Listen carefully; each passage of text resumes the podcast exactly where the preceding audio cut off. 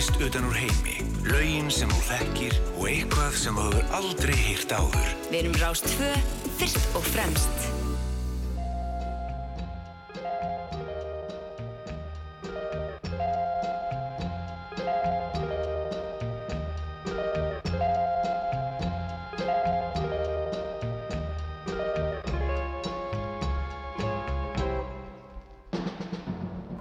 Komið sælublessuð og velkomin í sunnudasögunar hér hjá okkur á Rástvö.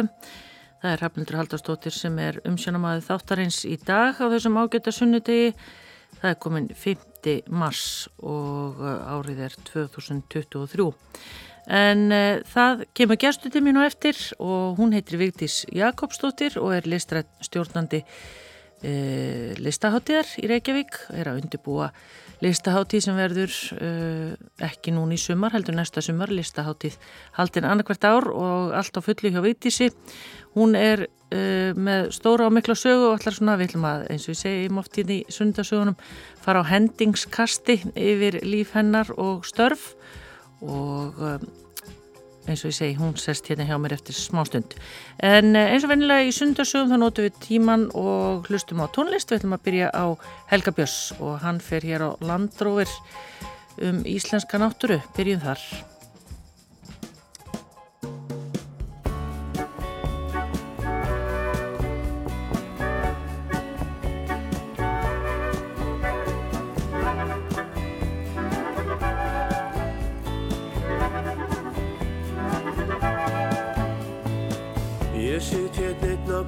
Sólarströnd með svalastrópar í takkýr í mér við hönd. Og fögur skonnort að hún syklir fram hjá mér. Hún er á leiðinni á leið til að sá íra. Ég leiði aldánum að dáleiða mér og síðan dorma ég við miðjarðarnir. Í gegnum öklokkin ég greini bara liti nú blikka ljós er þetta bensinstöðn á lög ég fer á fram í vatni á kópaskinn Þó minn hugur sé í nættulest til Marrakes Inn í eði merkur nóttina Þó ég sé hér á grímstöðum Ég sit hér einn á nýri bensinstöð Og frú á ljósinn flögt öll í tonna trukkur spýta restur fram hjá mér Og drullan leggur niður bílrúðuna mína. Þá kvarlar hugurinn til Marokko Og hvað hún hétt er hún dilli dó. 717 kallar bólugrafin kokkur Ætli hans er núna búin að kleima okkur. Ég fer á landrófið fram í vatni á kópaskinn Þá minn hugur sé í nættulest til Marrakes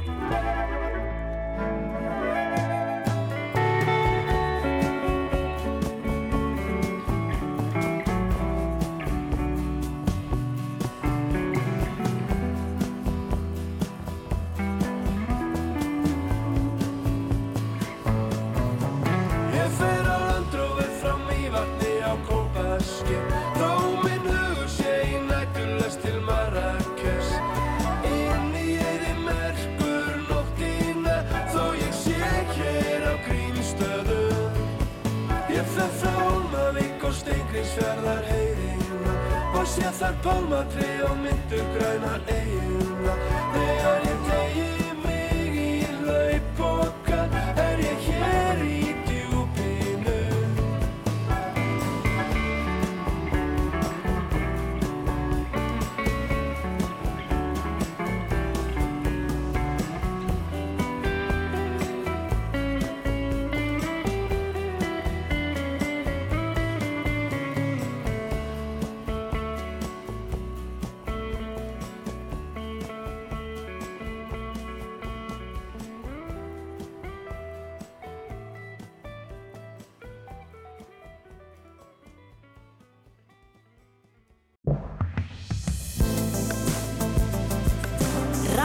Rástvö með þér um helgar.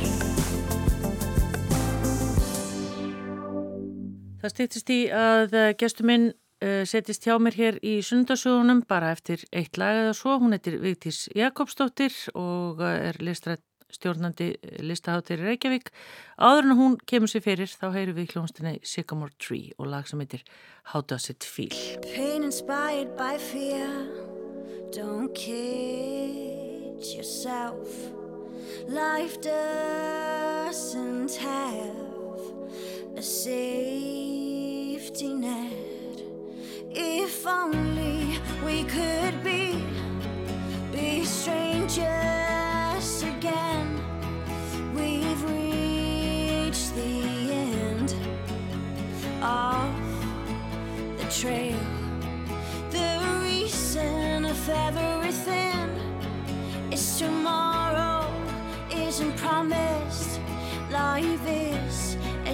dangerous field of wildflowers.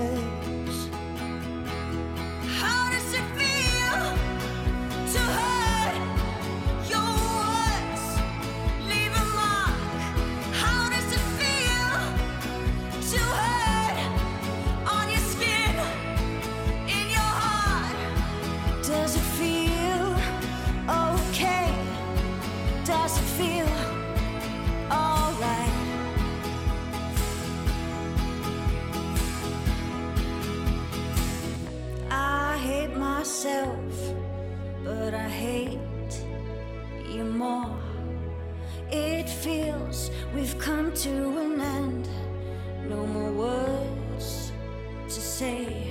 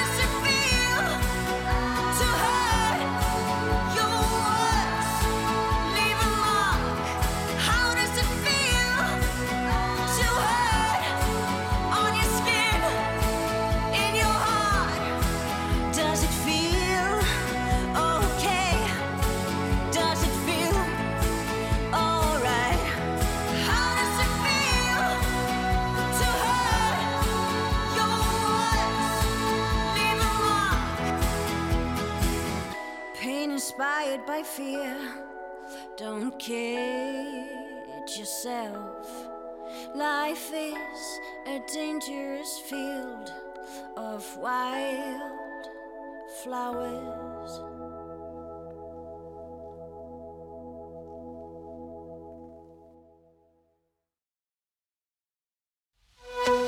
Ný Íslensk tónlist, þessi gömlu góðu og eitthvað sem kemur á óvart. Við erum Rástvö, fyrst og fremst. Það komi gestur í sundarsögu dagsins og hún heitir Vigdís Jakobsdóttir og starfar þessa stundina sem stjórnandi listaháttíðar í Reykjavík. Velkomin. Takk fyrir. Þetta er svolítið flottur titill. Þetta er mjög flottu titill Já, og, hérna, og það er líka mjög flott að yfirmanniska stofnunar beri þennan titill, listrætt stjórnandi já, en ekki forstjóri eða framkvæmdastjóri eða eitthvað slíkt því að hérna, þannig er það var tekin pólitísk ákvörunum að, að yfirmanniskan hefði listrætni í titlinum að það er, það er listin sem ræður för. já. En svo er annar sem að sér um svona framkvæmda hlutina, eða hvernig? Já, ég, hún vinnur með mér hún Fjóla Dag Sveristóttir sem er algjörlega hérna, mín manneskja við erum hlifið hlið í þessu. Já, við ætlum að tala um listaháttið eftir, Já. en við ætlum að byrja á byrjunni uh, Ísverðingur. Já. Þú fætt á upphælun á Ísafyrði. Ég er ekki fætt á Ísafyrði og ég er, ég er fætt í Reykjavík. Má maður þá telja þessi Ísverðing? Það er nefnilega málið og ég, ég er farin að segja að ég sé Ísfyrðingur en ég sagði það aldrei. Ég flutti, ég, ég bjó eitt, pappi er frá Ísafyrði, fættur uppalinn og ég er ættuð að vestan þar bara alveg svona Þú verður að segja aftur. núna hvað hann heitir. Hann heitir Jakob Ólason og, e, og hann, e, já, hann er það fættur uppalinn og svona og ég, og ég bjóð þarna eitt ár sem krakki, lítil, fjóra, fimm ára en svo fluttum við aftur 1981, sem sagt þegar ég er 11 ára og e, þannig að ég var þarna frá 11 ára aldri og fram yfir mentó en ég aldrei þá talaði ég um mig sem ísfyrðing. Ég var alltaf einhvern veginn, það var alltaf eitthvað flóki svar þegar ég var spurt hvaðan ég væri. Já, Af því að mamma er frá höfni Hortnafyrði, hún heitir Eiklo Eymundsdóttir og á svona mjög sterkar rætur þar og hérna langa langafi og langa langafi voru svona frumbyggjar á höfn og, og það bara svona, já mjög djúpa rætur á höfni Hortnafyrði líka. já, E, þannig að það var alltaf svona flóki svar þegar ég var spurt hvaðan ég væri og svo bjóðu við út um allt. Þannig að öllum hverfum í Breiðholti og Kópavogi og Svíþjóð og þannig að en núna er ég fann að tala um þessi ísfinning vegna þess að flest tengja mig við Ísafjörð þannig þegar maður ræði þessi mótunar ár þarna og já. ég var þrátt fyrir allt helmingin af æskuminni fram að tvítjúsaldri þar. Já. Þannig að það er svona staðurinn sem ég á sterkustu ræturnar. 81 flytur aftur, hvað ertu gömul þá? Hvernig ert þú fætt? 11 ára. Ég fætt 1970. Já, ummitt. Hvað hérna, af hverju fluttuðu þú aftur vestur? Varstu, var það út af atvinnu eða? Já, ég meina í raun og veru, já, og það, amma og afi voru þá að lífi og, og hérna við fluttum til þeirra og það var búið að vera bara svolítið svona eh, hérna flakk, vinnuflakk, verið að leita vinnu og pappi smiður og hérna og eftir að mamma fór að vinna var hann að vinna svona við ími störf og um, hefði krakkarnir voru svona orðin og stór til þess og það var alltaf verið að flytja til þess að fara í eitthvað nýja ævintýri og nýja vinnu og svona en uh, ætla hafi ekki bara kallað svo komið, vorum búin að vera þessi ári Svíþjóð, tvö ári Svíþjóð þarna undan og gekk ekki alveg nógu vel hjá engu okkar eiginlega þannig að uh, það var bara fínt að koma svo í faðum fjallablára eins og það kallað. ummitt. Þið eru þrjú sískinni? Já, Já, ert þú, hvað ert þú í rauðinni? ég er elst og uh, svo uh, bróður minn Óli Pétur, uh, bara einu og hálfu ári yngri en hann er nú látimblæsaður fyrir næstum áratug síðan uh, og svo á ég bróður sem er fætt í 79 og Alli Þór sem er sjúkarþjálfari og býr á Ísafyrði með stóra fjölskyldu. Nú, þannig að Vigdís og fjölskylda geta alltaf skellt sér vestur. Já, já, estur. Svo átti ég nú lengi sko tengdaforeldra á lífi sem bygga á Ísafyrði líka þannig að við sóttum mikið vestur og höfum alltaf gert fyrir nokkur sunnum ári. Já, það er einhver romantík aðna. Þetta er bara aðeinslegu staður. Já, ummitt. Hvað hérna og hvernig uh, stelpa var Vigdís? Erfitt fyrir því kannski að meta það en Það er mjög erfitt eh, hérna, að einhvern veginn sjá sig úr, úr hérna, frá deginum í dag og horfa aftur og reyna að sjá stelpunar vitisvar. Ég held ég hafi svolítið móta staði að flytja svona mikið. Ég fór í sjö grunnskóla, ef allt er talið. Það eru pína svindla því ég telt tvo skóla og Ísafyrði sem að þegar maður skiptum stig og fór í gagfræðaskóla. En sex, sem sagt, ef maður telur það sem eitt skóla. það er mikið. Það er mikið og, hérna, og ég var alltaf nýju krakkin í bekknum, bara alltaf og, hérna, og það var alveg bara svona sérstatt fyrir mig eftir fluttum vestur þegar ég gætt farið að segja mannst í fyrra og mér fannst það æðislegt, ég gætt sagt það en ég held ég hafi svolítið móta staði og svona ég þurfti að þjálfa með mér svona ákveðna félagslega færni sem er öðruvísi heldur en félagslega færni þegar þú ert alltaf í sama hópnum. Þá þarftu svona að vera að styrkja stöðina kannski jáft og þétt, menn ég þurfti alltaf að hafa einhvern veginn svona trikk upp í erminni. Já, til dæmis þegar ég flutti á Ísafjörð þá kunni ég að leysa sko Rubik-kuppin og ég vakti rosa aðtikli.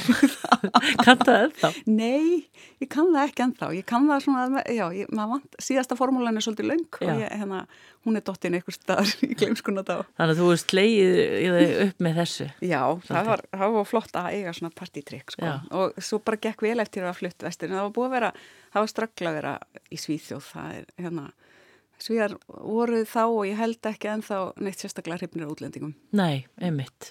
Svo það sé bara sagt. Svo það sé bara sagt hreint út. einmitt. Já. En hérna, það er náttúrulega bara, þetta er auðvitað lítið samfélag með við elst allast til dæmis upp í Reykjavík og svona, þannig að allir þekkja alla og svona, Mm. en varstu, þú veist, svona þú hugsa tilbaka, marga vini og... og Já, ég náttúrulega á enga vini frá því fyrir 11 ára.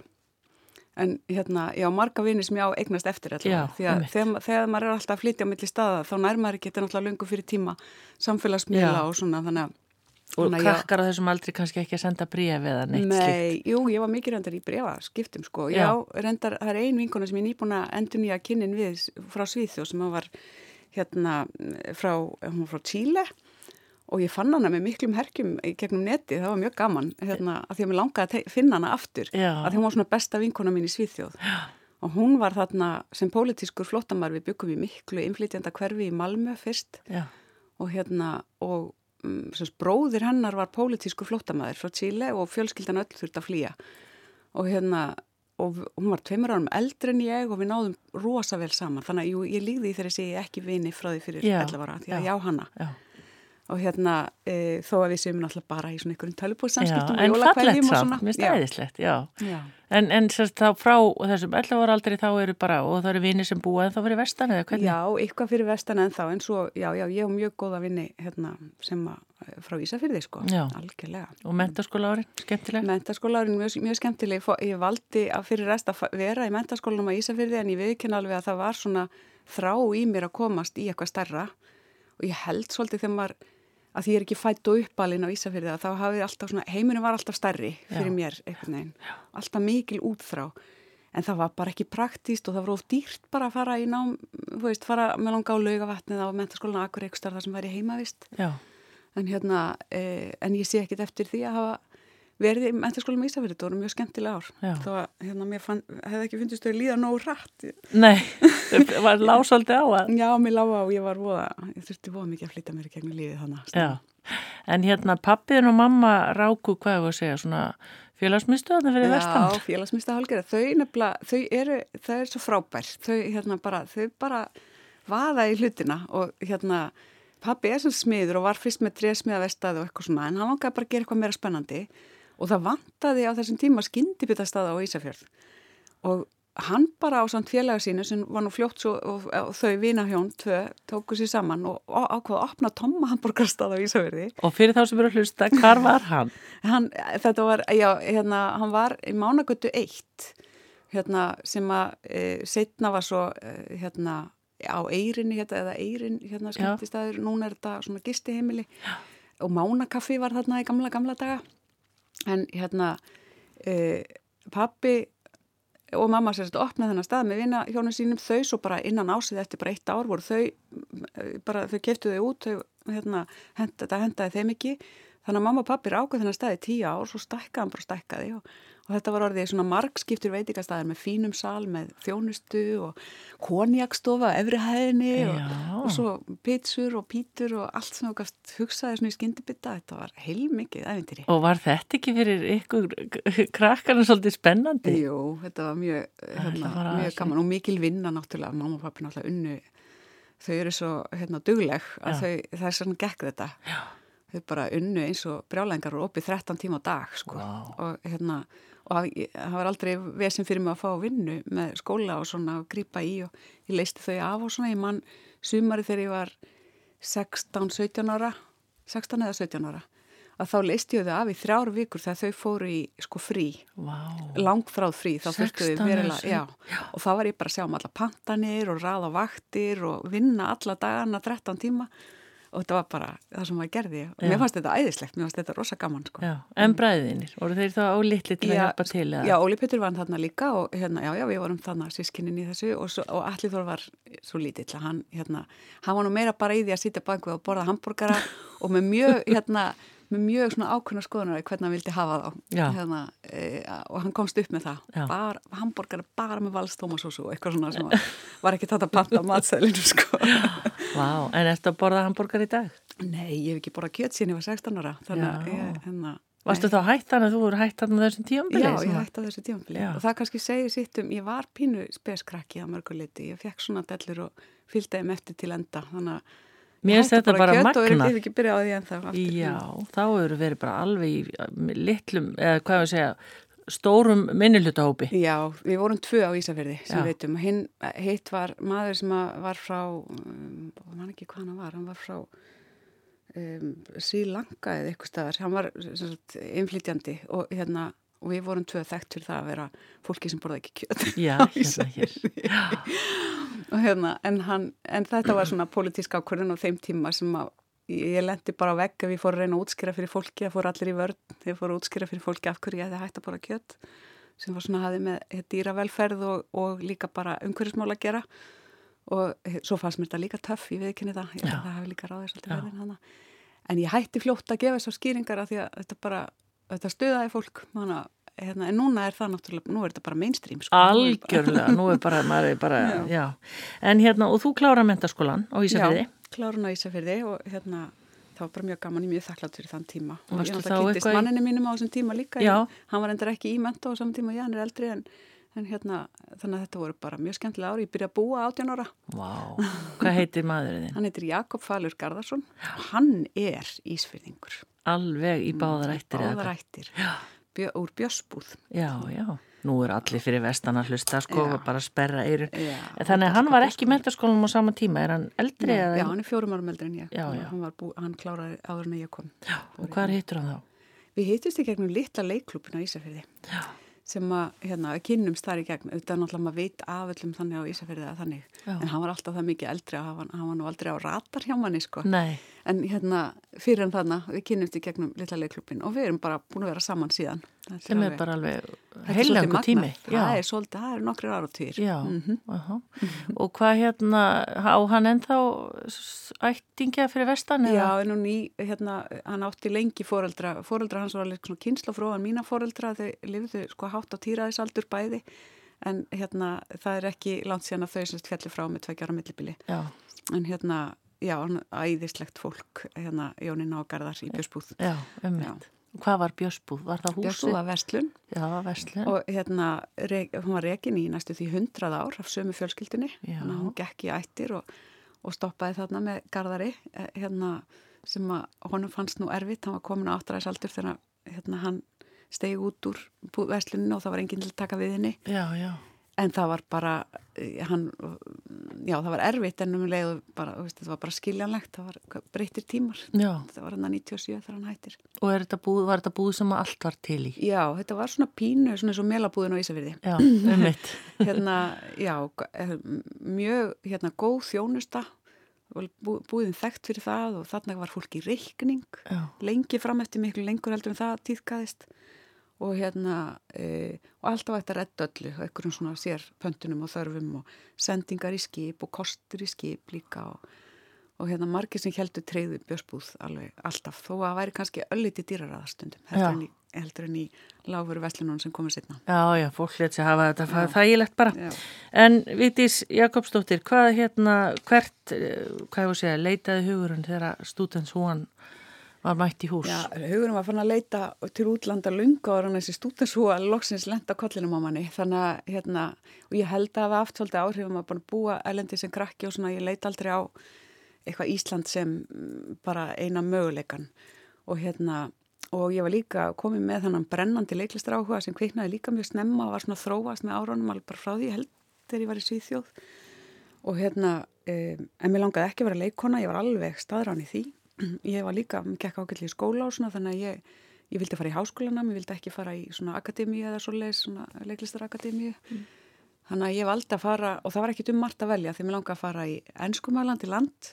Og það, voru, það var tvent sem ég fann eftir mi- mikið grús maður þurfti að fara í sendiráðinn og fá ykkur að reysa bækur og fletta og svona svona tíma til að finna nám. Og nú þurfum við að staðsut okkur í tíma, hvað ári er þetta er þetta? 1990 er þegar 90. ég klára stúdentinn. Já, Já, fyrir að algjöra tilviljun örlagana að þá rekst ég á viðtal þegar ég stenda á þessum krosskutum og er að leita mér að þessu námi og búin að finna þessa einangrasa tvo möguleika í Kanada, annars vegar og Breitlandi hins vegar að þá rekst ég á viðtal í mokkanum við hana Sigriði Margréti Guðmundsdóttur sem að þá var ný útskrifið sem leikstjóri.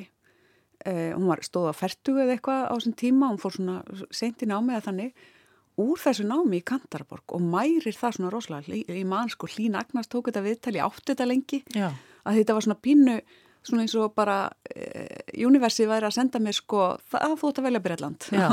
og, við erum að hérna- tala um Sirri í landnámsetinu. við erum að tala um Siri í já. og hérna e, og þannig að hún hafi verið þessu námi og talaði svona ægilega vel um það og þannig að ég enda á því að sækjum þá þetta var eina námi sem ég sóttu um í. Og það komist bara 16 inn þannig að þetta var svona ferli eitthvað og ég komst ekki í intöku, ég var í stúdensprófum þegar voru ykkur intökuprófa eitthvað og ég fekk eitthvað undan þá og fekk að fara í viðtal og eitthvað svona, þetta var svona pínu prósess. En hérna ég fekk yngungu með einhverjum skilurum að ég næði einhverju ákveðinni engun á stúdensprófi og eitthvað. Fengi yngungu en ekki í námi sem ég vildi heldur í eitthvað svona sam, samsett nám sem væri bara þryggjára nám og ég var náttúrulega ekki sátt við það þannig að ég bara kerði það mjög hart eftir ég var komin á staðin að ég fengi samt að sitja sömu kursa og þessi sem var í fjóraránáminu og þau hérna gáf eftir og lifti mér inn í námi þannig að ég fekk svona undan þá og sagt þú kemst inn ef þú stendur þið vel á þessari önn. Og ég bara kerði hart á það og komst inn í námi svo um áramótin endanlega og bara fylgdi mínum hérna, jafningum þarna í þessu 16 manna hópi mm. út þessi fjögur ár. En hvað, hvað gastu ný, nýttir? Littla leikfélagið? Já, litli leikluburinn var náttúrulega þarna, veist, ég var búin að fá reynslu, ég var búin að vera leikstýra, veist, ég var búin að leikstýra síningum bara og búa til götuleikus og gera alls konar á Ísafjörði. Og reyka veitikastað og... Já, já, og ég var bladamaður líka, veist, ég var bara með alls konar reynslu sem kannski jafnaldra mínir frá Breitlandi voru ekki með, þannig að ég held að það hafa nú alveg unni með mér hérna. Og hérna uh, og um, þannig að þetta var þetta voru bara fjögur mjög dýrmætt ár mjög kræfjandi nám og hérna mjög svona akademís samlega því að vera mjög praktíst og ég hef alltaf sagt að hérna, ég hef alltaf þakka fyrir það að standa að vera með þessi fjögur ár þarna uh, svona sem kjölfestu í mínum praksis og sem leikstjóri og bara í raun og veru út í lífið. Því þetta var svo, hérna, þetta var svo mikið kræfjandi Já En hvað hérna fór Jakob með? Jakob fór með og hann svona, hann, hann beigð eftir mér, blessaður, og var bara að vinna á svona vísafyrðu og við byrjum að búa þetta því að lífið gæti ekki byrja nógu fljótt og hérna, og, e, og svo kom hann með mér út og fann sér nám þar, var svona fyrsta árið bara tók ennsku eitthvað svona, en að því að mitt var fjögur ára sem var óvennilegt, önnilega eða þryggjára nám, að þá hérna fann hann sér þarna nám sem hafa mjög sáttur í svo stóð sem mjög vel í sem er hérna alþjóða stjórnmálafræði eða svo leys. Já, já, já, já.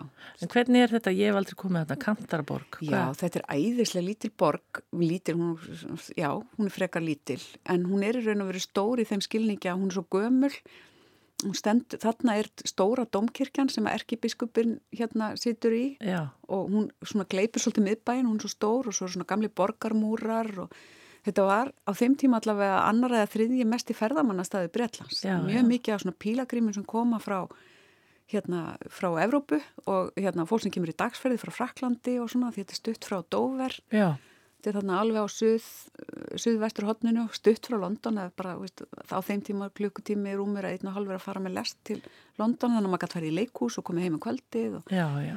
Þannig að þó, það væri nú, nú svolítið fyrirtækið þá var það samt mögulegt og um, já, þannig að við vorum, vorum þarna í þessi fjögur ára bara byggum leiðinleitla íbúð og hérna, þetta var bara mjög góð ár. Já, og þetta eru þetta fyrir börn? Já, þetta er fyrir börn, já, já, ég var bara tvítuð þarna og við fórum hann út, þannig að um, það, já, þetta var bara, ég er mjög þakklátt fyrir þetta tímabill. Já, og, og hérna, hvað útskrifastu þá með? Ég útskrifast með, sko, B.A. Ornóskráðu í uh, leikstjórn en ég laði áherslu á, á síðasta árinu sem var alveg svona bara eins og nefndaleikús eða þannig þar sem maður var bara að vinna sín verkefni uh, á það sem á ennsku heitir devising og hefur setna verið þýtt á íslensku sem samsköpunar aðferðir sem ég fann ég ætlaði að vera bara svona klassísku leikstjóri það var það sem ég stemdi á og það var námi sem ég, það var það, það sem ég ætlaði að velja mér í upphafi en ég enda á því að, að hérna að finna þetta, að finna það að ég ætti betur heima í þessum samsköpunar aðferðin sem snýst bara meira um samstarf frá grunni með öðru listafólki. Ekki þannig að þú fáir eitthvað tilbúið í hendurnar og leikstýrir því og segir leikurunum hvar þeir eru að standa og sitja eða þannig. Heldur að við værum uh, við erum svona snú, þessar aðfyrir snúast um það að þú byrjar með kannski einhverjar hugmyndir möguleg einhver textabrótið eitthvað og byrð til leikverk frá grunni Þannig að hvaða ári er það þá þegar þið komið heim? 94, við ákvæmst að koma beint heim, Jakob var líka, það var, hann sá ekki fyrir sér að eitthvað geta fara að vinna hérna úti og svona og, og hérna, og ég var líka bara til ég að koma heim mm. eh, og við komum hann að 94 og ég með þessa gráðu frá útlöndum með mentarskólapróf frá Ísafyrði og með svona null tengslanet í íslensku leikúsi, ég fekti engan. Bara að lesi viðtalvið sér í? Já, og ég reyndar, ég, ég man ég ringdi í hana líka, ég held ég að ég ringdi í hana og hlín með þess að líka hérna, þegar á þessum tíma þegar, já, ég, já Siri hérna, gaf mér góður áður svona þannig En hvernig er það að koma einhvern veginn og þekka ekki til? Af því að maður heyrir sko auðvitað margir sem bara alast upp sem börn í leikúsi og voða oft sem að börni verða líka leikarar og eitthvað svona en, en fyrir viðtísi Ég náttúrulega var alltaf nýju krakkin í bekknum Já. þannig að þetta var ekkert nýtt fyrir mér. Nei, hérna, þannig að e, ég bara, núna skil ég þetta ekki alveg en hérna, en þá var þetta bara, þetta var bara næsta skref nú bara tekst ég á þetta og, og ég bara óði það að það var frekar auðvelt á þessum tíma að fá svona, veist að koma, það var ekki margi með leikstofnumentun og hérna e, og frekar auðvelt að komast í að leikstýra og leiðbeina í framhaldsskólum Já. og í áhuga leikfélögum og ég bara gerði það, ég mann fyrsta veturinn ég leikstýrði þremurst síningum sko. Og hérna um, byrjaði vestlunarskólanum og fór hérna svo Ísafjörð náttúrulega og sett upp á Ísafjörði eina síningu með unglingadeildinni þar í leikfélaginu. Og, um, og svo fór ég á Selfoss, þar sem ég reyndar þekkti sko manneski sem hafi verið á Ísafjörði sem var þá formaði leikfélagsins. Þannig að það var svona, sett upp Íslandsklukkan á Selfossi. Þannig að e, ég tókst á því bara svona alls konar og fór að bjóð til námskeið og bauð upp á þau og, og hérna var svona miklu sambandi við bandala íslenska leikfélaga sem að, það var mjög stert sko. þannig að þarna hefur bara strax einhvern veginn bara fengið gríðarlega reynslu bara Já, í þessu. að bjarga þið svolítið sjálf. Já og það var, þú veist, skólinn þetta er náttúrulega heilmikil skóli bara að takast á við að, vinna með sko áhuga fólki. Að þú hérna þar sem þú ert bara að byrja með að, svona grunn, þú þarft eiginlega bara að beita því sem þú varst að læri í náminu til að kenna það sko. Já, já, og hérna það er, það er ekki til betri skóli en að kenna nei, einmitt en, það hefur gert mikið af því gegnum tíðina Já, en vitist það er svolítið sérstætt er það ekki þegar maður vil, sko af hverju vildur aldrei verða sjálf leikona? Vissur bara einhvern veginn að þú erið betri í þessu eða hvernig? Já, ég bara er ekkit góð leikona. Ég, hérna, ég er ekki góð í því að, um, að standa og vera eitthvað annað en ég er. Og, hérna, og, það er, og gild, þetta gildi líka eins og ég, ég hef átt sagt að ég, ég er ekki góð sölumanniski heldur af því að þá er maður svona að selja eitthvað sem, eitthvað sem er ekkit endilega eitthvað sem maður trúir á sjálfur. Eh, og ég get ekki orðið pólitíkus af sömu ástæði að, vera að vinna með hugmyndir annara og tala af eldmóðum hugmyndir sem að ég líkamna ekki sjálf og finna ekki sjálf hérna, fyrir einhvern veginn í blóðinu. Þannig að ég þarf alltaf bara að vera hérna, ég sjálf, Já. best í því. Já, þú getur, en þú lítur að geta þá selt listrænu hugmyndina þínar sem þú færið fyrir til dæmis listaháttíðina. Það er allt annað. Já, og vera í samtalinu og vera, það er, þú veist, og samvinnu, það er allt annað og raun og veru máli að segja, hérna, góðu sölumar gerir það kannski líka eða politíkus og sérstaklega politíkus, en hérna, já, það er allt annað, sko. En þetta með, nei, en ég dáist óendanlega að leikurum. Þetta er, þetta er ótrúleg starfsgrein og hérna, ég ber alveg svakalega virðingu fyrir þessu fólki Já. að geta farið svona inn í tilfinningaheima sem, og tengja sinna eigin tilfinninga við og svo bara auðsa úr sálusinni fyrir framann fólk til þess að það geti svo lært og notið og þetta er dásamlegt Já, sko. Og þetta er við skulum eiga þetta fólk sem er til í að gera þetta. Já, og þetta er náttúrulega hjá mjög mörgum bara köllun. Bara, nein, já. Já. En það er 94 eru og þú segir svona, tekur að þér alls konar verkefni þá út um all land en var fastur eða þú veist, keftuðu ykkur húsnaði í Reykjavík Við keftum litla íbúð í Norðumýrinni Já, og, hérna, og Jakob tók að sér fór í sölumannastarf hann að fyrst. Já, hann um sem- Já, hann er góður í þessi sko. En þannig með kaupmannsblóð í æðum. Mm. hérna og um, svo reyndar setna fór hann að vinna í, hérna á skrifstofu sem var inn á Vestlunaráði sem var um pappisljós viðskipti og var svona lobbyisti fyrir pappisljós viðskipti í árdaga þess sko lærði, það var mjög hérna, áhugavert. Uh, en ég var semst bara, ég nautist þá að geta frílansað, þannig að ég var náttúrulega, þarna var bara Jakob stólpi minn eins og svo oft áður og, hérna, og eftir í lífinu. Að hérna að við sko reistum okkur ekkit hurðar á sem öxl, við bara keftum íbúð sem við réðum við að kaupa og hérna hún kostaði sko, var sett á hana 4,1 og við fengum á hana 3,9 Nó. eða, nei, kannski var það 5,1 og við fengum á hana 4,9 það var sannlega þannig, já, alveg sama það er aðeins svona aðrir penningar í gangi einmitt. og, en þetta hefur verið startið eða Já, byrjunin. þetta var byrjunin og, hérna, og það var bara, og við réðum við þetta, við liðum ekki tátt, þetta var bara, við vorum bara, Mhm. Hérna, gátum verið að sinna því sem við vildum og Jakob fekk nýtt og betra starfs og svona Já, og hérna, og svo og ég var í þessu frílansi og ég var svona sett í fótinn, ég var svolítið svona bankadittnana þetta í stóru leikursuna, það var vettvangurinn. Á þessum tíma þá var sjálfstæða senan ekki, ekki svona stóru öflug eins og núna. Nei. Núna náttúrulega bara tækifærin eru allstæðar og sjóðirnir, styrta sjóðirnir ekki svona öflugir eins og þeir eru núna þó að segja með alltaf gott bæta þá samt, þetta var bara annar veruleiki þarna. Já. Og svo var ég að koma utan með líka bara þessa devising hugmyndir sem að voru bara ekkert í gangi hérna þannig að ég var að reyna að útskýra þær og, og, og hérna, já en, en það var einfaldar einhvern veginn að fara bara og byggja um fáum að vera aðstóðalegstjóri Já, og, hver gaf við þessi tækifæri? Það var Stefan Baldursson, hann á það skuldlaust. Hann hérna opnaði dyrna fyrir minni í þjólikúsi, ég veit ekki af hverju hann ákvað það, sennilega bara það var ekkit algengt að veri mentaðir ungi leikstjórar að berja á dyrnar sko.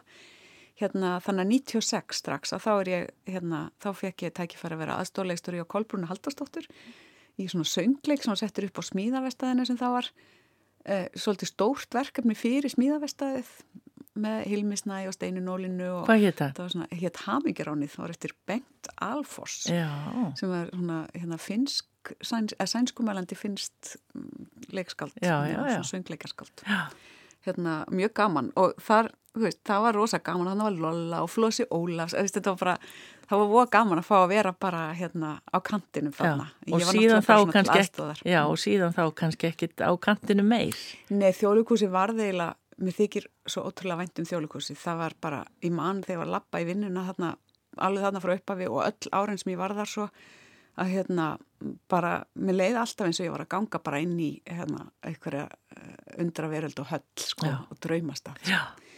Það er eitthvað við þetta hús. Já, það er eitthvað við þetta hús og það er eitthvað við, sko, hvernig, uh, veist, og það tengir svo sterkum böndum líka sjálfstæðisbaráttunni að við, hérna, að við skulum eiga þjóðlikús sem var opnað 1950 er bara magnað, og veist, Breitland átt ekki þjóðlikús á þessum tíma. Nei, það kom setna hjá þeim.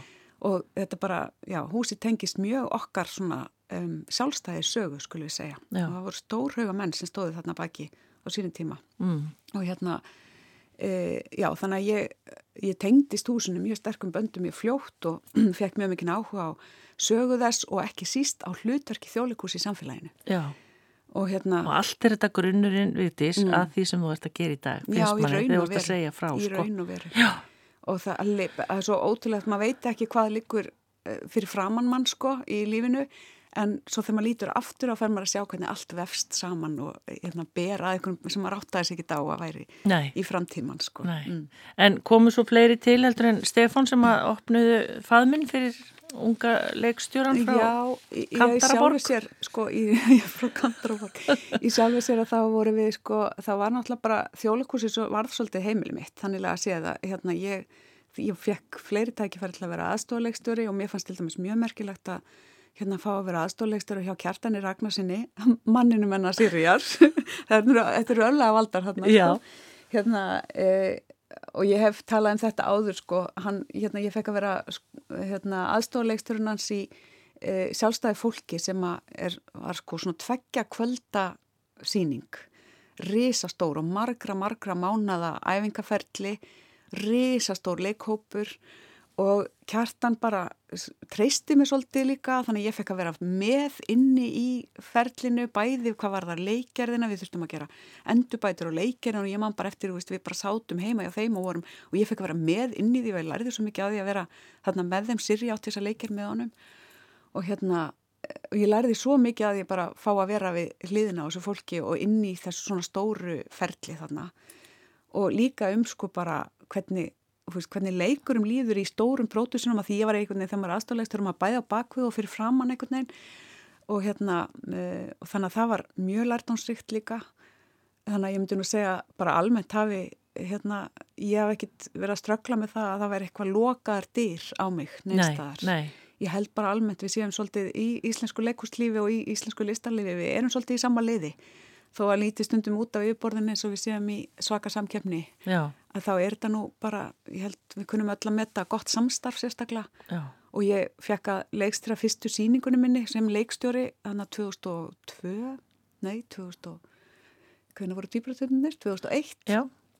og hérna sem var frumsýndað mitt sko þremur dögum eftir fall týpratöndana, það var hræðilega tímill að frumsýna leiksýningu þegar manni fannst bara, þú veist, leikús vera það síðasta á forgámslistanum í lífinu einhvern veginn já. Og hérna, eh, en þar vann ég til dæmis með Krisbjörgu Kjeld sem var náttúrulega bara, bara skóluta fyrir sig að vinna með svona konu sko Já. og hérna, og hún var í stóru eh, hlutverki þarna og, og hérna, og Arna Jónsson var þarna líka og þetta var bara, já, þetta var æðislegt Já, og svo náttúrulega bara koll og kolli og ég Já. man eh, bara allavega ef ég hugsa tilbaka þú varst með barnasýningu Fíusól þarna Já. 2010, Já, er það ekki? það var rosa gaman, þú veist, svona síning sem bara heila selur sér sjálf, við þurftum ekki að hafa fyrir því Nei. og það var bara svona, ég held að hún að verið sínt 130 sinnum Vá. eitthvað álíka, það var æðislegt Já, og hérna Fía Sólin náttúrulega svo elskuð og Kristín Helga er náttúrulega svo stórkostlegur höfundur og gaman að kynast henni og við erum bara vinkonur í dag eftir einmitt. Hérna því að hérna, ég fekk þessa hugmynd og fekk svo klárana, veist, ég, fekk, ég kom með hugmyndina til leikustjóra sem var Tinna Gunnlaugs á þessum tíma og sagði að mér langaði til að hérna, upp, að gera hérna, leikjara Físól og hérna, og svo bara fekk ég að klára dæmi, það var rosa gaman. Með Kristínu Helgu, það var æðislegt. Já, við viljum að taka östu hlýja núna, gæstu minn er Vigdís Jakobsdóttir, listrætt stjórnandi listaháttir í Reykjavík, við erum að fara svona svolítið á hundavaði yfir líf hennar og störf og höldum áfram hérna eftir smástund.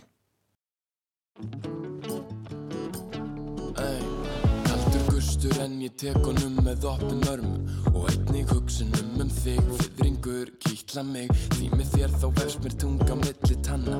En mér er alveg sama því að þetta er eitthvað annað. Ég vil læra nýja hlutum með þér drepa stundum með þér. Fá nýja litið lífið leysa þrautum með þér. Æ, leggjum niður bremsuna sækjum aftur berskuna rifjum upp dagana og skrifum sína sögum kemum tíma, þarf ekki að eiga sér stað. Tíma, tíma þarf ekki að hugsa til svar. Tíma, tíma þarf ekki að eiga sér stað. Tíma, tíma þarf ekki að hugsa til svar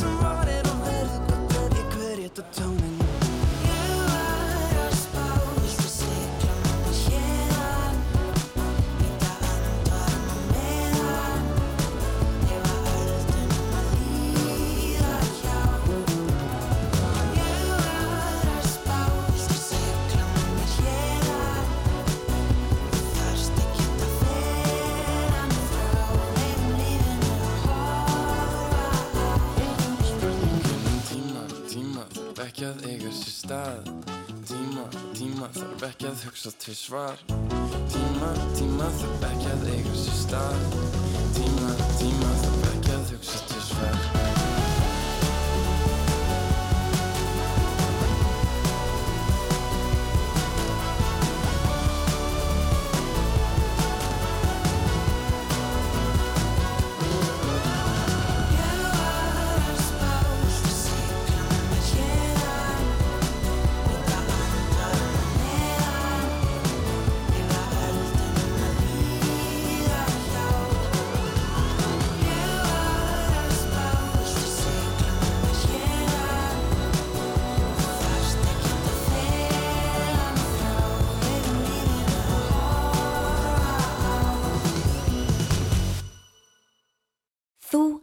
að hlusta á Sunnudagssögur. Alla sunnudaga klukkan 12.40 á Rás 2. Þú maður halda áfram í setni hluta viðtal sem að hún er hjá mér hérna hún uh, Vigdís Jakobsdóttir sem að starfa sem listrætt stjórnandi listaháttíðar. Uh, Vigdís, við vorum búin að segja bara hversu, hvað ég var að segja, þú ert heppin, þú ert hérna Lukkuna Pamfíl færði að vinna með bara okkar besta leikús fólki. Á milli þess að þú ert að gera þetta og Stefán opnar faðminn hann í fyrsta sinn þá, þá fæðist ykkur barn, er það ekki Já, 97? Já, 97, þá eigum við hérna, eignast við dag, svona okkar Já. og Þannig að þetta eru rík fullonum kall í dag? Já, hann er um 25 ára Rosalega. Og hérna og svo eigum við líka Júliu sem fættist 1999 bara, með tæp, bara te, tæpum tveimur árum síðar Já, og svo eru letum þau? við það gott heita Já, svo litur það gott, er frábært bara. Hvar eru þau? Eh, Þau eru bæði út í heimi og bæði á stað sem byrjar á dubb. Hann- Hann er í Dubai og búin að vera þar í eitt og halvt ár. Að gera hvað? Að Hann er, hérna, hann mentaði sig, hann fór til Sviss og lærði svona það sem heitir á ennsku Hospitality Management sem stundum hefur verið þýtt sem hótelstjórnun en er í raun og verið miklu breyðara heldur en hótelstjórnun. En hérna hann hefur verið, sérhafið sér svolítið í því að vera, fara, hann vil fara í stjórn og er í stjórnun á veitingastöðum sem eru inn á svona luxus fimmstjórnu hótelum. Þannig að hann er, hann er búin að vera í eitt og halvt ár núna þarna úti og búin að skipta um starf einu sinni að því að bara fá betri stöðu annars staðar. Og nú er hann að taka þátt í að opna glænýjan veitingastað sem að heitir Sushi, nei ekki Sushi Social sem heitir City Social. Og hérna og er um, er upp á fert minnir að sé fertugast og þriðja, fjórða, fymta hæð í svona á risa hóteli. Og það er Michelin kokkur sem að mann nú ekki hvað heitir, breskur sem að svona margvel, margstjarnaður kokkur sem er að opna þetta og hann er þannig í stjórnendateiminu er orðin assistant manager einn af þeim þannig 25 ára guttin minn. Ég segi bara fáum við hann ekki heim líka, Já, einhver ég, tíma. ég veit að hann er, hann er ekkert að horfa heim. Og ég skil hann alveg. Þetta er, þetta er svolítið svona Dubai er ef það er, langar að vinna á þessu sviði þá er það svolítið svona mekkað.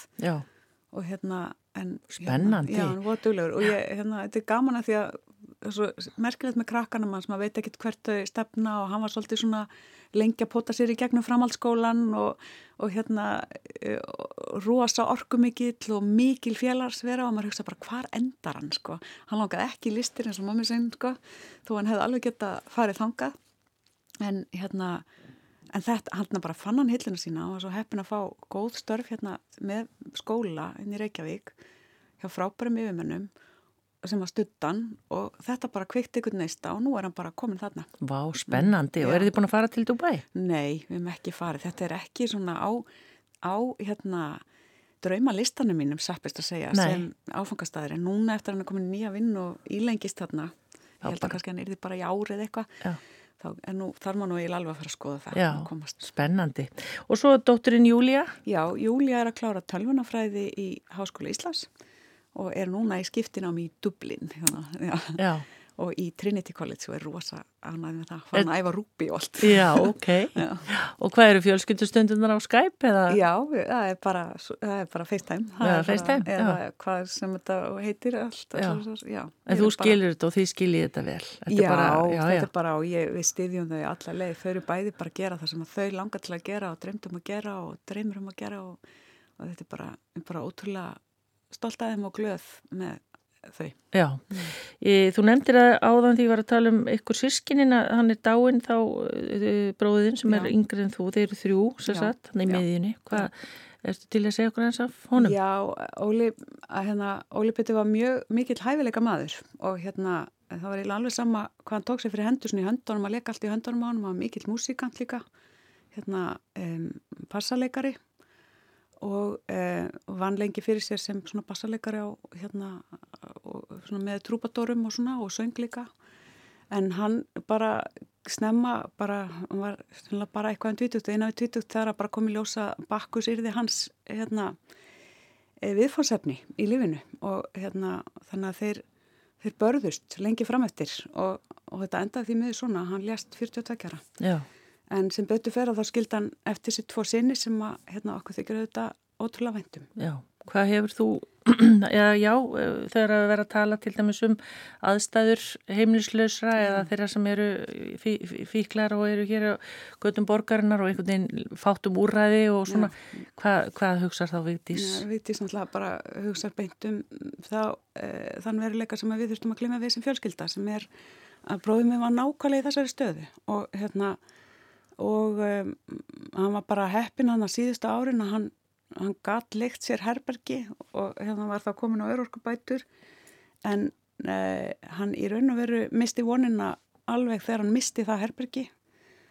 Og hann var svona gatt alltaf bara, var alltaf bara þar með hljóðfærin sín og eitthvað svona gatt bara svona, já, haft það bara svolítið gott. Þó að, hérna, þó að ástanda á hann var ekki gott, þá gatt hann, var hann með skjól. En þegar hann misti þetta skjól og við fórum í þann og ég fæði þess að miklu vegferði í fleiri vikur og mánuðar en að finna fyrir hann skjól. Þá bara mista hann smátt og smátt vonina, hann hafði alltaf lífskraftin og viljan sko, en það bara fór það Já. En, hérna, en það var samt sko hilsan sem gaf sig, það, var, það voru lífærin sem gafur sig, Já, en já. ég held að sé orsaka sammikið þannig á milli. Já, en ég menna, er ekki magnað að við skulum ekki vera komið lengra? Mér finnst það bara ræðilegt. Já. Mér finnst það bara, þetta er þingra en tárum tæki og ég á bara eiginlega erfitt með að tala um þetta. Sko. Já, og það skulle þurfa vond veður til að við opnum um helgar já, eða... nákvæmlega. eða- og já. farsáttin líka, hún hérna allt í henni þá var hægt að gera eitthvað, sko. Já, Virtist vera. já, maður langar nú bara að lemja Það í er borðið, alltaf sko. hægt, já. Já, auðvita. Já, takk fyrir að deila þessu með okkur, Vigdís Jakobsdóttir. En mér langar þess að spyrja svona út í... Uh, Þú auðvitað, þú ert búin að tala mjög mikið um leikúsið og svona og ert í starfi í dag sem listra, stjórnandi listaháttíðar. Hvað, er þetta ólíkt eða er þetta ekki ólíkt? Nei, mér finnst þetta vera, mér finnst ég vera svolítið í sama djópinu, sko. Hvað er eiginlega listaháttíð? Hvaða fyrirbæri er þetta? Já, þetta er, ég tala oft um listáti sem tengist ekki bara í íslensku menningarlífi, sem tengir saman allar þessar stopnanir og græsrótina og hún tengir líka út í heim og stundum hefur líka talað um á myndlíkinguna um sko, að hún sé eins og sveppagró sem tengir og nærir jarðveg lista á Íslandi af því að hún getur talað við hvert sem er. Ég, get, ég á í samskiptum og samstarfi við alla, við hérna, stóru stopnanirnar, við listasöfnin og leikhúsin stóru og, og, og hérna, e, og symfóníuna og alla þessa aðila, en við erum líka í samtali við græsrótina og mjög virku samtali við græsrótina og, e, og svo erum við að tengja þarna á milli og færa súrefni og hugmyndir á milli og svo út í heim líka og Einmitt, tilbaka. já. Þannig að hérna, ég, það er engin önnur menningastofnun eða apparat á Íslandi sem er eins. Þetta er bara, og svo skerum við alla listgreina líka, þannig að við erum ofta að tengja á milli listgreina og grípa verkefni sem að passa ekki annar staðar. Mm. Verkefni sem eru mögulega bara algjörlega að vinna á einhverjum svona, það sem að leggjast saman listgreinarnar á einhvern svona ótrúlega áhugaverðan hátt, en passa ekki nákvæmlega inn í leikhús eða inn í tónleikasal heldur, en passa hjá listaátíð. Já, en er eins og núna til dæmis af því að þú sko ert að hugsa um þá, eða þér skipulegja listahátti sem verður þá eftir ár. Já. Þú ert með aukt blað, segjum það. Já. Og það er bara listaháttiðin 2024. Já. Og hva, hvernig byrja maður? Meina, Ég- Hérna, já, þetta er mjög góð spurning. Hérna, maður byrja með opin hug. Ég held að það sé kannski bara best, stað, best til að lýsa því þannig að maður verður bara að byrja með opin hug. Og hérna, og e, við hefum líka núna frá því að ég tók við þannig 2016 og þá hefur við verið, þess að fyrsta hátími var 2018, þá hefur við verið að vinna með bara mjög einfalt þema sem, og mar markmiðið er að bann skilji þemað. Þannig að fyrst var til dæmis heima og núna er það hér. Þú Veist, og það er bara orð sem að bat skilur en svo eru svona hugmyndir þræðir á bakvið þetta þema líka og hérna sem að við svo notum sem svona leiðarljós í prógrameringunni en ekki, við látum það ekki útiloka neitt samt. Um, svo byrja ég á samtölum við stopnarnirnar, spá hvað þær er að spá, segja þeim frá þemanu og þá kom upp eitthvað hugmyndir, það lefum því að meldast aðeins og svo, svona heldur það fram og þessi samtöl byrjuði náttúrulega með þess að löngu fyrir Já, síðustu hálftíð sko já. og hérna hann að maður er kannski stundum að ég hef haft hann luxus núna setni árin að geta verið að hugsa þú veist, þrjú ár fram í tíman kannski og hérna e, þannig að þetta er þannig að það er oft komnar ykkur svona, komnar ykkur svona blokkir þarna inn bara eh, áður en að síðasta hátíði búin. Um, og svo núna erum við með opi kallan við köllum eftir og það er svona meira leið til þess að bara að, algjörlega e, tryggja það að, að öll viti að við séum opin fyrir öll, við erum ekki bara e, hérna fyrir e, þá sem að hafa símanúmerum sitt í símanu sínum. Nei, hérna, við, er, við viljum eh, hérna, ná til allra viljum að all listafólk geti eh, finnist að geta sótt um að vera með verkefni á listahátíð og komi hugmyndir inn á listahátíð. nú er einhver að hlusta segir, og hvað á hann að... Já, á- núna er bara, það er bara að fara á bæ, bæði heimasíðin okkar og Facebook, þetta er opið núna, þetta er mjög góðu tímapunktur eiginlega því að og það er núna e, 13. mars sem að e, þetta lokar, miðnætti 13. mars. Já. Þannig að það er bara mjög góðu tími núna en það er líka alltaf, það eru alltaf allar ásir opnar. Og, hérna, og það er alltaf ég reyna að svara alltaf íslensku listafólki sem skrifar og hérna og ég geri það held ég og þú eru ekki að segja alltaf hérna, en, e, og, um, og ef fólk byrður um fund þá, hérna, þá hitti ég fólk skiljið þetta, það eru allar rásur opnar við heitir, viljum vera í þessu samtali Já, og e, hvað það eru hérna, er það? Hér, hér. Já, já. og hvað því hér? Hér, í, við erum svolítið að vinna með sko, hér og núið og bara reyna að fanga eitthvað tíðaranda mm -hmm og við erum myndið að vinna núna með grafísku hönnuðunum, byrja að hugsa um útlitt sko hátternar og við erum myndið svolítið mikið að hugsa um þetta. Og bara tíðarandi núna, hvað er núna? Já. og hérna e, og við náttúrulega erum á, það er svo mikið umróta og svo mikla breytingar og þetta er svo ofsalega mikið að gerast í heiminum en, en ef við reynum að fanga eitthvað nú, hva, hvað er það þá? Og líka hér bara í, í skilningum staður og staður þá í mjög op, í opinni merkingu líka það getur verið Reykjavík, það getur verið Ísland, það getur verið Jörðin. Og hérna tengist hann í umhverfismálum líka. Og bara og sambandi manns við náttúru við erum líka svolítið að spá í því. Já. þannig að það, það er svona lög sem við verum að pæla í. Og hérna ég, ég vona á það, svona listafólki sem ég hef hitt sem að hefur, sem við höfum talað um þemað við, það hérna inspirerast af þessu allavega, þannig að Já. ég vona hérna að það gildum um megin þorra En Vigdís, ertu þú náttúrulega sko síðast ég talaði við, þá komst þú hérna í síðdeis útarpið, þá varst eitthvað áttur eftir að fara í nokkrar ferði, þú náttúrulega að ferða flugi, er það ekki að hitta listafólk Jó. um heimallan eða hvernig? Jú, núna náttúrulega maður er svo umhverfis meðvitaði líka þannig að hérna, við reynum að nýta ferðirnar, gera þær þannig að maður sé að gera svolítið helstarinn að ná sko fleirin einu í einu og alls ekki fara til að sjá einhvern einn viðburði eða svoleiðis þannig að ég reyna að sækja svona hát, aðrar hátíðir og stundum er þetta svona háttíðir sem eru meira eins og showcase eða svona sem eru til svona markaðir hálfgerðir þar sem þú fær, getur kannski síðað sínisholt líka, ekki bara alveg síningar í fullri lengt, þannig að hún er meiru á stittri tíma þannig að, jú, ég ferðast töluvert en hérna ekki nærði að mikið og víða eins og ég gerði áður en ég fór, áður en ég tók við listáti þegar ég var í stórum alþjóðasamtaka Já. Þar sem ég var að ferðast á miklu svona exotískari staði, nún er þetta meira hérna svona nær bandaríkinn og, og hérna Evrópa sko. Já, emmitt.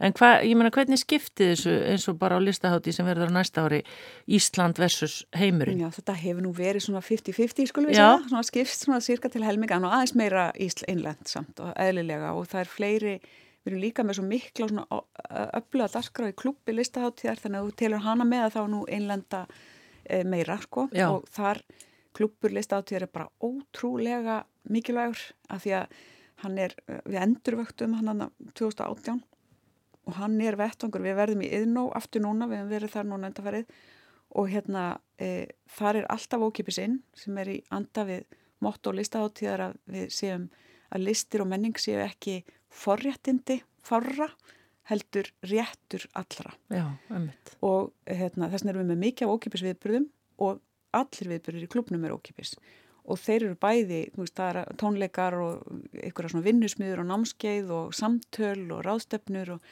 sem tengist á stundum þemannu, listafólki sem að er að gera annað hátíðinni, kemur þarna og talar um vinnuna sína og svo eru með yfirtökur þar sem að svona grassrúttar hérna hópar taka yfir e, og fá bara algjört dagskrárvald yfir yðn og ég er sólaring og hérna, við bara stýðjum vel við það en þau sjáum dasgrána og minnst þetta mjög mikið, þetta skiptir mig mjög miklu máli að dreifa valdinu á þennan hátt.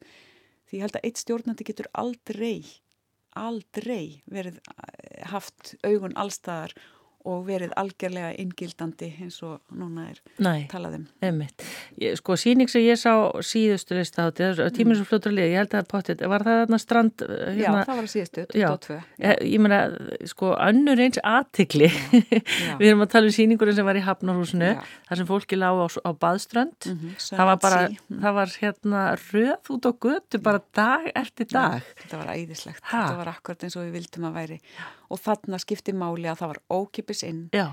og þau sem stóðu vaktina semst, í, semst, þetta var við, viðburður álist-átti og list-átti sálega viðburðin en við vorum auðvitað í frábæru samstarfi við listasafnið listasafn Reykjavíkur. Og hérna þau tóku æðisla á mót okkur hérna og þau sögðu starfsfólki sem stóð vaktina þarna í dýrónum þessi röð var bara þarna þúsundir mann sem fóru gegn þarna um eina helgi að hérna þau aldrei séð svona fjölbreyttan hóp. Nei Þegar ég var þá að fólk með barnavagnar, það var á öllum aldri, það já, var einmitt bara svona þverskurður. Mikið inflytjendur okkur tókst að ná í gegn það var í kynningastarfinu fyrir þetta verkefni lögðu við ofur áherslu á það ef vera ekki bara á rás eitt og í mokkanum Einmitt, já. heldur vera fá sko sjónvarsfretta tímana á fleirin einnir rás til að vera með ekki bara á rúf og vera, fara á öðruvísi útastöðar og öð, vera í raun og verið reyna að ná til fjöldast að því við vissum að fjöldin myndi elska þetta. Og ekki bara vegna þess að það er eitthvað svona, svona manngerð baðströnd sem var horfið ofan á og það er skemmtilegt og allt það en þetta er líka bara dýnamist og flott listaverk. Já, það þetta er samtíma ópera. Já, já. og allt þetta fólk var að býði röð eftir þess að samtíma ópera, skoði því. Já, en ég bara með þess að búin að gleyma því hvort maður var með grímu. Jú, ég held ég að var, þetta akkurat. Nei, var bara núna, já, það það við slöpum við það, Já, þetta var það. frábært. Þannig ertu með eitthvað, þú, segir náttúrulega ekki neitt núna, en er einhver svona, þú veist, sem er eftir að vera bara, Já, við, erum bara sjá með það. Hérna, ég get ekki sagt neitt jú, það er reyndar já, það er, það er sérstaklega eitt sem að ég, að mig grunar ég eftir að laða að sér þúsundir nýri bæ vá, og hún er yfir hvaða tíma, Bill? hún er fyrsta til uh, hún er fyrsta til 16. júni Já. 24 24. já, ekki í sumar sem sagt. Nei, en Vigdís, allar, þú veist, maður á aldrei að spyrja svona hvað ætlar að verða svo, þú ert ráðin til 24, Já. allar þá að hætta eða hvað máttu, Já, þú já. verður að hætta eða hvað? Nei, ég, verð, ég gæti, ég gæti, í þegar ég gæti, ég sótt um starfið mitt aftur en ég er búin að fá framlengingu án auðlýsingar einu sinni og mér finnst bara eðlilegt og rétt að hérna, stjórnendur sitt ekki hérna á, hérna, hangi ekki eins og hundar á róði á störfunum sínum, hérna finnst átta ár frábært tími og eðlilegur tími og ég hérna mun ekki sækjum starfið mitt aftur. Nei, en hvað langar það að gera meira? Hérna, mér langar að gera svo margt. Ég, hérna, ég er búin að ákvæða nálgast þessi tímamót, ég hlakka til, ég hlakka ekki til að hætta hjá listahátíð en ég hlakka til að standa aftur á krosskutum og veit ekki hvað kemur næst. Já, Og hérna, uh, og það er uh, í því fælst svona, fyrir mér jákvæð svona dýnamisk spenna sem ég laka til. Og ég er að alltaf gera eins og góðu spunaleikari gerir þegar maður ég hef kent mikið spuna þó ég sé ekki leikuna, kenn ég spuna. Og hérna, og eina af aðalreglunum mér spuna er að, er að neyta sér um stöðugt að ákveða hvað kemur næst. Já, vegna þess að um leið og ferða ef þú getur sleppt því þá gerist galdurinn. Og hérna, og lífi hefur pínu spilast þannig og að mér að ég hef bara getað einhvern veginn svona, hérna, labba mér í gegnum það einhvern veginn. Og ég, held, ég er bara fulla að trúa því að ég geti haldið því áfram. Já, og það verður örglega eitthvað þá óvænt líka ekki eitthvað sem ég get ákveðið fyrirfram. Nei, en ég er náttúrulega með alls konar, ég kendi mjög lengi í listaháskólanum í listkennslu deild og svona hérna, leiklistarkennsla og leiklistarkennslu fræðir er mér hugleikin. Ég er leikstjóri, ég er hérna, þú veist, ég er mjög alð, ég hef unni mjög mikið alþjóðlega. Það er bara alls konar sem að ég er með í bakbókanum sem ég veit ekki hvað svo leiði mig. Nei, en má ekki finna einhvern, einhvern frábæran flötu á hambúrgarastað Já, líka? ég ætlaði að mynda að segja svo ég, hef ég, hef ég hérna, steikt ófáa hambúrgara. Já, en hérna vitist bara svona rétt að þess að persónlega, hvað, hvað gerir því hjónin svona þegar þeir eru ekki í einhverjum e, leikhúsum eða einhverjum menningar, hérna, hvað eru það að sísla svona? Já, og það náttúrulega tekur svo sem mikið, hérna við förum mjög oft í leikhús og tónleika og svona, það er svolítið svo leið sko, miklu meira held ég heldur Og Jakob verður bara að fara með og vill hann þetta, já, það er æðislegt. Hann er ekkert hérna, hann er bara alltaf til. Eh, við erum ég er svona dellukonna svolítil sko, Já. ég er alltaf hérna, ég fer á námskeið í myndlistaskólanum og tálgunámskeið og alls konar skrítið sko. Og ég nú er ég að prenta, nú er ég í grafík svona, ég er eitthvað dundan með það. Hérna, ég er rosa mikið svoleiðis. Hérna Jakob er hérna mjög um, hann tala mjög mikið um vestfyrir, hann elskar að fara vestur og hérna fjölskyldan hans á hús sem að við fórum með mitt í æðislaferð í fyrra sumar hús í hérna e, Jökulfjörðum því sem mamma sér fætt og uppalinn þar. Þá verður maður að fara hvernig, vá, það verður að fara bara með báti. Það er náttúrulega ekkert vegakerfið þarna. Nei, og það sem er ennþá merkilega er að það er ekkert annað hús þarna í nákvæmni, þetta er bara þetta eina hús sem er búið að hérna, e, gera mjög fallega upp sem við eigum ekki heiður að, það er hérna ferðarþjónustu fyrirtæki sem heitir Bóri Adventures sem að hérna fjekli er í raun og verið með húsið að láni já, en fáið þið og að vera í, gerði, það upp alveg ótrúlega fallega og miklu meiri metnaði heldur en maður getur nokkuð tíman ætlað einhverjum sem ekki á húsið sko en, en þau eru náttúrulega hálfpartin eiga það með fjölskyldinni já, hérna, já, við förum, við reynum að fara regla, við náttúrulega, ekki, þetta er, þetta er bara eins og utanlandsferð að fara, bæði Já. skipulæðið og kostnæðurinn og allt þetta Býtu, hvernig fer maður? Ég, sko, ég, fer- Þú þarf semst að koma þér á Ísafjörð fyrst og svo tekur bát þaðan. Já, og þú þarf bara að taka allt með þér, nesti og allt svo leiðis, en það búið að gera húsið þannig að það er aðna styrta og hérna og það er, þetta var bara eyðibíli sko, Já, þetta var alveg að hruni komið. Það með þess að lítið gufubað, úti gufubað þetta er æðislegt. Og svo Já. er bara hérna reyfirnir í gardinum og svona og Jakob fyrir líka með stórum æðislegum vinnahópi sem að heiti vestfískir gleðpinnar sem er búin að vinni síðan í mentaskóla hérna stór hópur af köllum úr alls konar áttum. Hérna þeir fara í Grunnavík sem er líka þarna í já, já, já, alltaf árlega, stóra ferð með miklum rituölum og hérna Þannig að Þannig að er- vestfyrirni tók ykkur svolítið. Vesturinn tók okkur svolítið og hann er mikil, Jakob líka lappar mjög mikið, hann fer í langa göngutúra og svona, ég er nú ekki nógu duglega að fara með honum í það. Nei, nei, en svona einhverjar íþróttir eða eru... Nei, við erum ekki Nei, íþróttafólk. nei, bara standið við það. Þið Já, er ekki komin á. Við erum kapastur skjólið. Við erum aktíft fólk en við erum ekki íþróttafólk. Nei, emmitt. Þó þessi íþróttafólk í báðum mættum hjá okkur pappi hans var íþróttakernari og pappi minn hætti í fótbolta. Við erum bara, Já, já. ekki. Bróði minn allir þó tekur þetta út fyrir okkar fjölskyldi líka svolítið. Já, en þið allavega, hann er saðuru áðan fyrir vestan. Hann er fyrir vestan, hann er sjúkraþjálfari fyrir vestan og fjóra dætur og konu, Ólefur Dómhildi. Já, þannig það er eigið að hverfið þið farið. Já, Já. og við hefum líka fjölskyldin álíka en þá reyndar íbúðina sem að, sko fóreldur hans skild eftir. Já. Við erum það mörg að við hérna, eigum það mikið erindi vestur að það borgar sig bara. Já, verður nokkuð fríður fyrir vestan núna eftir að TripAdvisor setti vestfyrirna Já, bara á eitthvað toppsæti Nei, hann. þú skildi engan undra. Nei, það er, þetta er staðurinn. já.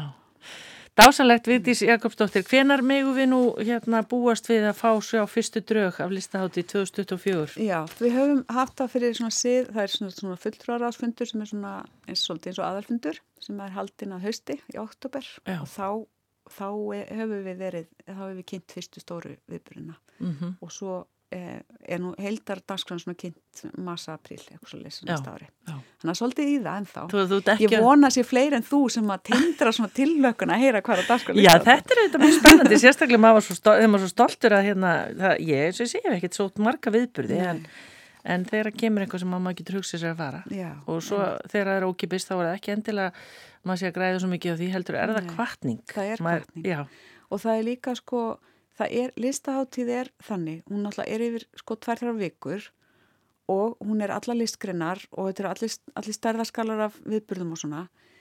Það er ekki allt fyrir alla á háttíðinni. Það er enginn sem er að koma á listaháttíð og sækja alla viðburðina. nei, Og hérna, og er, það er ekki mark með háttíðarinnar að vera þannig háttíð. Hún er hins vegar eitthvað svona hápunktur í júni, hérna annarkvært ár, þegar að, hérna, og það ættu flestir eða öll að geta fundið eitthvað við sitt hæfi. mm Eitthvað sem að, hérna, eh, er nógu spennandi til þess að, hérna, drífa sig að stað. emitt, þá er tilhjónu náð ef að þetta Mm. Já. er svona það sem að læðist inn í hugan. Já, nákvæmlega.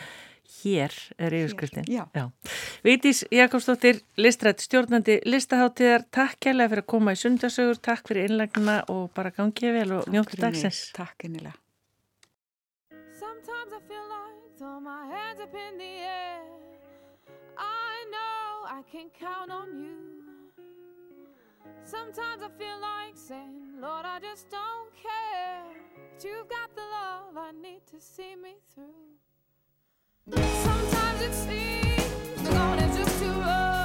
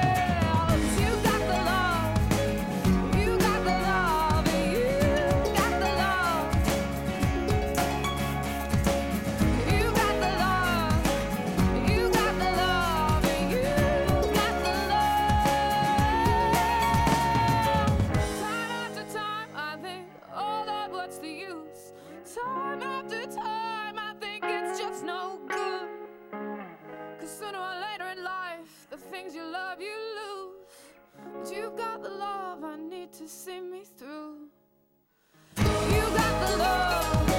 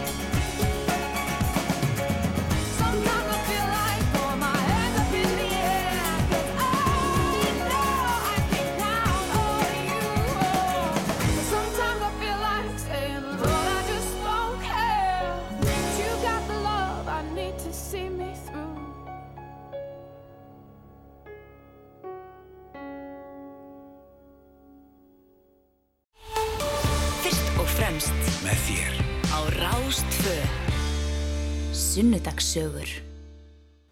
Þá er bara eftir að hvaðja hér í sundarsögun dagsins. Ég þakka uh, gæsti mínum Vigdísi Jakobsdóttur fyrir komuna í sundarsögun dagsins, ykkur fyrir að hlusta og uh, njóti þess sem eftirlifir þessa sunnudags. Við viljum enda þetta á áskýri trösta og lægi sem heitir Lindarmál.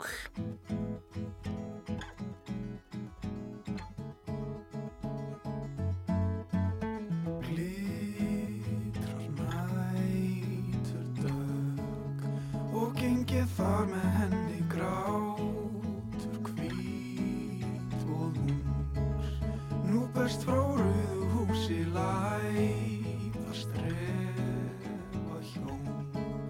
Og lafir bróðkjöfti lerk í skó.